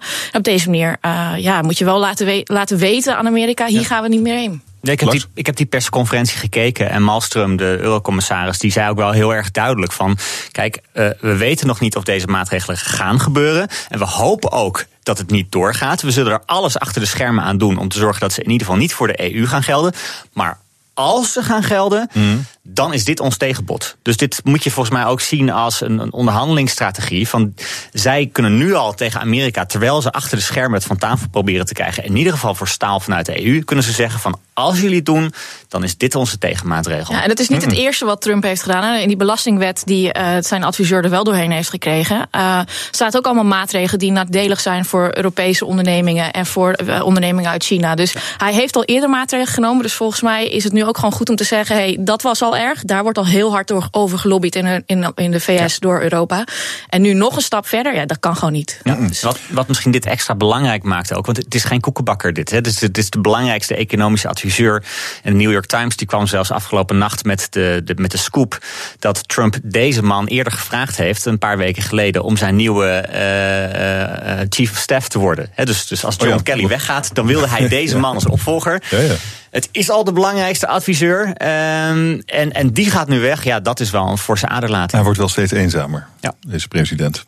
Ja, maar hij kan iedereen krijgen die hij wil. Hè? Dat zei hij gisteren nog in zijn persconferentie. It's not a problem for me to get all the talent in the world. Dus ja. Oh, Oké. Okay. uh, nou, uh, ik wil nog even in, uh, naar Europa. Um, de opvolger van de Nederlandse rechterhand van de voorzitter van de Europese Commissie. is een Duitser, Martin Selmayr heet hij. En er is nu allerlei nieuws over hoe hij die positie heeft gekregen. we weten niet of het waar is, maar hij zou dienstauto's met chauffeur hebben beloofd aan allerlei eurocommissarissen om toch maar vooral zich niet te verzetten tegen zijn benoeming. Nogmaals, het is allemaal niet helemaal helder wat er nou precies gebeurd is, maar dit is een gek verhaal, Bianca. Nou, kijk, als dit echt waar is, dan is het super kwetsbaar ook voor alle commissarissen, want die zijn hierin meegegaan. Dat is althans het verhaal wat de, ja. die journalist nu naar buiten brengt. Ja, als dat zo is, dan zijn ook al die 28 commissarissen natuurlijk eigenlijk heel verkeerd bezig geweest. En uh, ja. Uh, andere landen waar wij als Europa geld aan geven, die worden op dit soort dingen bestraft en wordt het geld gewoon teruggetrokken. Dus ja, dit lijkt me echt. Uh, het, zou mij echt verbazen als het echt helemaal waar is. Dat zou me echt bizar lijken. Ja, wat, wat wel een beetje gek is, is dat er niet meteen, uh, dat er niet meteen 28 euro commissarissen hebben gezegd: dat is helemaal niet waar. Nee, nee en het, het, het, het, ik bedoel, als het klopt, dan is het ook een heel schadelijk verhaal. Eigenlijk is het nu al heel schadelijk natuurlijk voor het imago. Um, kijk, wat, wat hier is gebeurd is dat, uh, nou ja, Jonker die is straks uitgeregeerd, die wordt straks vervangen. En die heeft eigenlijk toch een beetje over zijn graf geregeerd door zijn rechterhand nu voor meerdere jaren, zelfs nadat Jonker weg is, in die belangrijke positie te zetten. En ja, mm. dat, dat is ongeacht wat er precies beloofd is, vind ik dat al schadelijk. En, en, dat zou al een reden moeten zijn om te zeggen van jongens, dit, dit willen we niet. Zeker niet omdat zonder dat we weten wat precies beloofd is, die, he die hele procedure een schimmig karakter heeft. Ja, en dan moet je volgens mij als Europese Commissie, zeker omdat je weet dat Europa echt al moeilijk ligt bij heel veel van de landen, ja. uh, moet je daar volgens mij echt zo zuiver mogelijk in zijn. En dit ja. is gewoon een verkeerd teken. Zometeen bespreken we in de kantine de stap van acht gemeenten om te stoppen met cash. Betalen van een rijbewijs of paspoort kan alleen nog maar met PIN. BNR Nieuwsradio. Dit is de kantine. We nemen het nieuws van de dag door. Gaat Jurgen straks ook doen. Jurgen Rijman is hier. Waar ga je het over hebben straks? We gaan het hebben over handelsoorlogen. Ja, met uh, zijn importheffing op staal en aluminium koerst de Amerikaanse president Donald Trump natuurlijk af op een, uh, een handelsoorlog met uh, onder andere Europa. De Europese Unie heeft al een beetje bekendgemaakt wat de tegenheffingen zullen zijn. Of de, tenminste, de tegenmaatregelen zullen zijn. Het is een beetje uitgelekt, het lijstje. bijvoorbeeld heffing op Amerikaans staal, kleding, schoenen, make-up, zelfs metalen ladders uit Pennsylvania. En bourbon uh, zullen extra belast worden. ja, ik, weet je, de, mijn vraag is gewoon van wat denkt hij hiermee te bereiken? En uh, de vraag ook van handelsoorlogen. Wie heeft daar uiteindelijk voordeel aan? Zijn wij als consument uh, degene die de prijs betalen? of zijn het vooral de, de, zeg maar de ondernemers en, en, de, en de manufacturers, de, de, hoe zeg je dat, de fabrikanten die dat, die dat betalen? bovendien ben ik ook benieuwd van, in het verleden zijn er vaker handelsoorlogen geweest. hoe zijn die afgelopen? En heeft het wel eens tot een echte oorlog geleid. Want ja, meneer, meneer Trump die koers natuurlijk met zijn eigen idee af op allerlei verschillende confrontaties. Maar ja, handelsconfrontatie kan natuurlijk een hele grote gevolgen hebben. Dus vandaag gaan we het hebben over die handelsoorlogen uh, vooral. Okay. En uh, daar kan je echt alle vragen over stellen. Ik heb twee toppers uh, met wie je vragen kan stellen. Econoom en journalist Matthijs Bouwman van onder andere FD en Nieuws hier is in, aan de lijn. En we hebben in de studio hebben vanaf kwart over twee hebben we docent internationale nationale economie, Hein Roefselma. En die weet er ook alles van. Dus mm -hmm. je kan al je vragen stellen via Twitter, het BNR, via Facebook. Je mag me whatsappen, het nummer staat op bnr.nl. Of je kan me even mailen, askme.bnr.nl. Maar Roelof, je weet het, Bellen. is gewoon het leukste. 020 468 400 en stel je vragen live in de uitzending. Jurgen, dankjewel. Veel Jullie plezier Je luistert naar de kantine. Lars Duursma is hier. Hoe bedoel je, Jurgen? Ja, oh, ja. een beetje, oh, oh, voorzichtig, voorzichtig. Lars Duursma is hier, directeur van Debatrix. En Bianca Pander van de campagnebureau BKB. Ja, de interessante vraag die Jurgen hier net stelde. Is er ooit wel eens een handelsoorlog uitgelopen op een echte oorlog? Weten jullie dat? Nou, ongetwijfeld. Ik zat af te vragen, maar ik kom er niet op. Ja, er zijn natuurlijk wel altijd, uh, uh, bijvoorbeeld zelfs in de VS uh, is er ooit belasting gegeven op thee door de Britten en zo is natuurlijk ook een ah, oorlog ja. uitgebroken, onafhankelijkheidsoorlog. Dus, natuurlijk, ja. Ja, er, er, zullen vast oh, ja. meer voorbeelden zijn, maar dit is de enige die ik nu even zo te binnen schiet. Ja, er zullen ongetwijfeld correlaties zijn dan, maar dan is causaliteit van -huh. komt het daadwerkelijk daardoor is dan ook weer lastig vast te stellen. Nou, een uh, vredelievende onderwerp. Acht gemeenten in Nederland zeggen je kunt bij ons alleen nog maar pinnen als je iets van ons wilt. Een rijbewijs of een paspoort, bijvoorbeeld. Geen cash.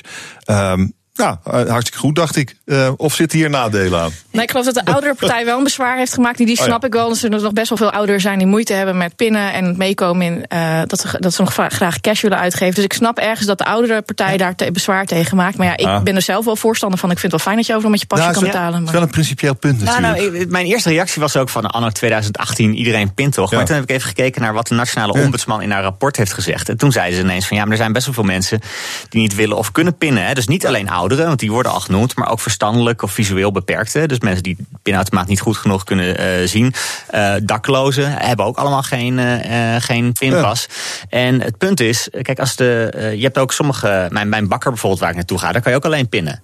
Maar ja, als ik ergens anders brood wil halen, dan heb ik die keuze. Terwijl als je een paspoort wil halen, mm -hmm. heb je geen keuze. Dus ik, toen, toen ik dat rapport ja. van de ombudsman las, dacht ik, ja, juist omdat er maar één plek is waar je een paspoort kan krijgen en er dus een groep mensen is die geen pinpas heeft, moet je toch ook de mogelijkheid blijven aanbieden dat je het cash kan betalen. Ja, en ook vooral niet een pinpas kan krijgen. Hè. Het ja. feit dat je het niet hebt is iets anders. Maar deze mensen zullen ook nooit een pinpas kunnen krijgen of een, een rekening ja. zelfs openen waar een pinpas mee mag gebruiken. Dus ja, ja ik vind dat je als gemeente heb je gewoon die service, die moet je bieden. En dus, ja. Maar er zijn soms ook gevolgen die, die, die je minder snel voor je ziet misschien. Maar een vriendin van mij, haar, haar moeder staat onder curatelen. En op een gegeven moment kon je ook in de bus, kon je alleen nog maar, uh, uh, en, en bij de automaat kon je alleen nog maar met, met je pinpas kon je een OV-chipkaart krijgen. Maar ja, als je onder curatelen hebt, lang niet altijd, kan je überhaupt pinnen? Want je krijgt gewoon cash aan het begin van de maand of aan het begin van de week. Mm -hmm. krijg je geld en dat is jouw budget. Dus die kon ineens niet meer haar, uh, haar OV-chipkaart opladen omdat het alleen nog maar per pin kon. En dat, er zijn allemaal gevolgen die je niet direct voor je ziet. En juist omdat dat wel kan Ah. gebeuren, zeker een gemeente met een monopoliepositie op het gebied van paspoorten en dat soort dingen, die moet gewoon de keuze blijven bieden. Ja, volgens mij in sommige. Ik, ik heb zelf lang in Groningen gewoond. En dan had je op één plek waar je kon pinnen. Dat was dan in het centrum. En op alle andere deelgemeentehuizen, daar kon je niet pinnen. Maar in ieder geval, dan bood de gemeente nog Oh ja. wel de service. om in het centrum wel gewoon met je, met je cash te betalen. Oké, nou terugdraaien die maatregel. Ik ben ook Volgens niet mij meer zo enthousiast. Nee, dat is, eh, heel slim. Eh, een ander verhaal van vandaag is eh, dat, leerlingen blijkbaar nog steeds worden uitgesloten van bijvoorbeeld schoolreisjes of kerstdiners. als hun ouders de zogenaamd vrijwillige ouderbijdrage niet betalen. Ja, ik vind dat vrij schandalig. En ik kan me voorstellen dat je als ouders misschien niet in de positie bent om dat te betalen. Maar er zijn hele goede regelingen in alle gemeenten om eh, de armoede van kinderen te voorkomen. En daar zouden volgens mij die scholen direct contact moeten zoeken met de gemeente. Met hey, deze ouders kunnen het niet betalen voor die kinderen. Maar we gaan wel met ze mee op reisje. Kunnen jullie als gemeente hier vanuit de regeling voor het voorkomen Hmm. van armoede onder kinderen dat betalen? Hoe, hoe hoog is zo'n ouderbijdrage? Ik heb er al een tijdje uit de kinderen, merk je. Maar, Dat verschilt volgens mij, want dat mogen die bestuurders volgens mij zelf vaststellen. Dus ik zou het eigenlijk niet weten wat het Ah. is. Dat is een goede vraag. Nou ja, eh, minister Slop van Onderwijs vindt het onacceptabel. En ik geloof dat wij dat hier wel met hem eens zijn. Ja, eh, heel erg mee eens. Ik zat zelf op een middelbare school waar het inkomensafhankelijk was. In ieder geval afhankelijk van het inkomen van je, van je, van je ouders. Ehm, wat, ik, wat, wat ik hier dan wel opvallend vind, is. Tuurlijk moet hier wat aan gedaan worden. En tuurlijk, ik- dit- een gemeente of ouderen die een school willen aanspreken, doet het absoluut. Maar ik weet nou niet of een landelijke regel, een nieuwe wet die aangenomen wordt, in één keer alle problemen gaat oplossen. Want dan krijg je weer dus wettelijke regels die alles moeten, moeten gaan oplossen. Ik hoop eigenlijk dat die nationale landelijke regel niet nodig is, maar dat we gewoon binnen de school of desnoods met druk van de gemeente kunnen zorgen dat dit gewoon opgelost wordt. Ja, en bovendien, die regelingen zijn er dus al. hè. Er zijn al allerlei regelingen waar eh, scholen en ouders eh, eh, aanspraak op mogen maken. als ze voor hun kinderen bepaalde dingen niet kunnen betalen. Het sporten of nou, ja, dit soort Mhm. schoolbijdragen ook. Dus er moet volgens mij beter afstemming komen tussen scholen en gemeenten. om dat onderling te regelen. Zodat die ouders zich daar ook niet schuldig over te voelen. maar dat gewoon die kinderen het beste krijgen wat, eh, wat we te bieden hebben. Het zegt je ook wel iets over het, eh, hoe ons onderwijs eraan toe is. Eigenlijk, of niet? Nou, dat weet ik eigenlijk niet. Want eh, die, die, dit zijn allemaal extraatjes. Hè? En, eh, en ik snap best dat scholen daar ook extra bijdrage vragen aan de ouders. Want ze moeten Hmm. al heel veel doen voor het geld wat ze krijgen. Ze willen ook de docenten beter of de, de leraren beter betalen. Dus ik snap best dat voor extraatjes dat er of een actieve ouder, eh eh, de ouders worden gevraagd. Dus dat ouders meehelpen. Dat zie je ook bij veel meer scholen. Dat er steeds meer beroep wordt gedaan om ouders Hmm. om mee te gaan en mee te helpen. Zodat je die kosten ook kan drukken. Of dat je een ouderbijdrage vraagt. Ehm, eh, ik had een gesprek met eh, de hoofdredacteur van onderzoeksbureau Tabak eh, eerder deze uitzending. En die heeft uitgevogeld dat heel veel ambtenaren nog altijd niet hun contacten met de tabakslobby melden. Dat moet sinds een jaar of tien. Er is ook een register voor. Maar ongeveer een derde van die contacten wordt dus niet geregistreerd. Ehm, dat is gek, dacht ik. En hoe erg vinden jullie dit? Nou ja, kijk, op het moment dat je weet dat er alleen al in Nederland iets van 20.000 mensen per jaar doodgaan door tabak. En dus elke halve minuut gaat er iemand dood in Nederland door, door tabak. Dan, dan lijkt het me terecht als de, de lobby wordt aangepakt en in ieder geval transparant moet zijn. Ja, de aanpakken is nog één ding. Dat, dat, dat moet ook volgens die, eh, vol- vol- volgens die Europese regel. Ja. Eh, eh, Oké, ze willen er dus wel, de ambtenaren willen er dus wel eh, voor, voorzichtig en terughoudend mee zijn. Ja. Maar eh, de, de- man van onderzoeksbureau Tabak vertelde hier van- vanmiddag ook eh, dat die lobby van die tabaksindustrie toch nog wel vrij effectief is. En vooral in het vertragen van maatregelen die niet goed voor de industrie zijn. Dus het heeft effect wat ze doen. Ja, tuurlijk. eh, Volgens mij heeft lobby altijd effect, bijna altijd. Al is het alleen maar in dat vertragende. Ik vind het überhaupt in Nederland best bijzonder dat je lobbyactiviteit niet ergens hoeft te melden. Ik heb zelf een tijdje in de VS stage gelopen in de House. En dan moest gewoon elke lobbyist zich inschrijven als hij bij een member of the House langskwam. Dus volgens mij is het gewoon echt Hmm. eh, nodig om in Nederland anders naar die lobby te kijken. Prima dat het allemaal gebeurt, maar doe het dan allemaal transparant. En noteer gewoon dat je bij een Kamerlid bent geweest of bij een ministerie. En zorg dat daar gewoon een, een register voor komt. En niet alleen voor tabak, maar voor alles. Want dat gebeurt natuurlijk op heel veel gebieden. Alcohol, eh, Ja. lobby is ook zeer succesvol nog steeds. Ja, ja. Maar je zou toch ook kunnen zeggen, nou zeker als het om roken gaat, waar, waar we echt wel de overheid het met zichzelf wel eens is dat we daar af moeten, eh, dat je dan, waarom zou je dan lobbyisten faciliteren eigenlijk? Ja, nee, dat, dat, die dat, vraag kun je ook nog Maar dat, dat de overheid ermee eens is, dat, dat klopt volgens mij al helemaal niet. Als je bijvoorbeeld in de Tweede Kamer gaat kijken, dus er heel veel vergaande maatregelen worden helemaal niet gesteund door een meerderheid in de Tweede Kamer. En als je ook uh, in het gebouw van de Tweede Kamer gaat kijken hoeveel er gerookt wordt, dan, dan, dan zal je dat nog verbazen. Dus uh, de, daar zitten ook aardig wat uh, hardnekkige rokers. En heel vaak zie je ook in de Tweede Kamer, in een fractie bijvoorbeeld, dat degene die roken in, de, in, in zijn portefeuille krijgt, dat is nou juist de, de meest noodvare roker binnen de fractie. dus dus daar, daar zijn ook dingen, uh, ja, ja. fenomenen die daar, die daar plaatsvinden, die, die volgens mij uh, niet allemaal helpen. Nee, maar we hebben het afgelopen jaar natuurlijk wel. Er is van alles gebeurd in ons land om het roken tegen te gaan. Ja. Nou, kijk, als je een slimme politicus bent, dan zorg je ook dat je dat buiten de deur houdt en je eigen mening vormt, volgens mij. Ook omdat het publieke debat steeds meer gaat van we moeten echt af van het roken. Nou, dan zou ik als politicus mm -hmm. nu ook denken, misschien moet ik maar niet meer met die lobbyisten uh, uh, stop uh, praten. Maar aan de andere kant, de overheid praat nog wel steeds met die lobbyisten, want ze komen ook vaak met nieuwe onderzoeken. En het is ook niet allemaal zo duidelijk dat het per se direct van een, van een tabaksmaatschappij komt. Soms zijn het ook, komen ze met een andere reden binnen. Dus het is allemaal wat schimmig. En volgens mij moeten daar wel in Nederland een keer beleid op gaan vormen dat we gewoon goede or, goed nou, er is beleid. Laten we, er is beleid, wees transparant. Laten we misschien beginnen met dat gewoon eens Handhaven, te doen. Ja. Ik nog even naar Trump, uh, naar Stormy Daniels. Ze was toch weer gewoon in het nieuws weer. Zij, zij schijnt een soort van zwijgcontract te hebben met, uh, met Trump. Daar wil ze nu van af. Uh, want, zegt ze, niet Trump heeft getekend, maar zijn advocaat. Dus het is niet geldig. Ja. Dat zou, denk ik dan, meteen betekenen. Wat heeft ze dan te vertellen? Dat ja. ze van het zwijgcontract af wil. Nou, heel veel, heel veel heeft ze al verteld. Al was het maar omdat een, een, een deel heeft ze al verteld voordat het contract gesloten werd. Dus oh, er is een heel lang interview gepubliceerd ah. waarbij ze die hele relatie uit de doeken heeft gedaan. En dat speelde ja, precies toen, uh, toen, uh, toen Donald Trump net uh, vader was geworden van zijn laatste zoon. Dus, dus Melania, die is om die reden, volgens mij heeft ze ook wel reden om flink boos op hem, op, op hem te zijn. Dus heel veel weten we al. Maar wat ik vermoed is dat dit is nou zo populair en het is zo speug dat ja, er zijn nu uitgeverijen die tegen haar hebben gezegd van weet je wat, uh, je kan miljoenen verdienen met een mooie boekendeal. Uh, en dat die haar nu hebben aangezet van alsjeblieft zorg dat dit zwijgcontract van tafel is. Want zodra het hmm. zwijgcontract van tafel is, ja, dan kan ze ineens gaan cashen met de boekendeal. Ja, ja. En zouden we daar benieuwd naar zijn? Nou, ik geloof het niet. Ik geloof wel dat er van alles mis is uh, met Trump en de relatie met vrouwen. Dus uh, ja, ik hoef dat niet echt per se te lezen, nee.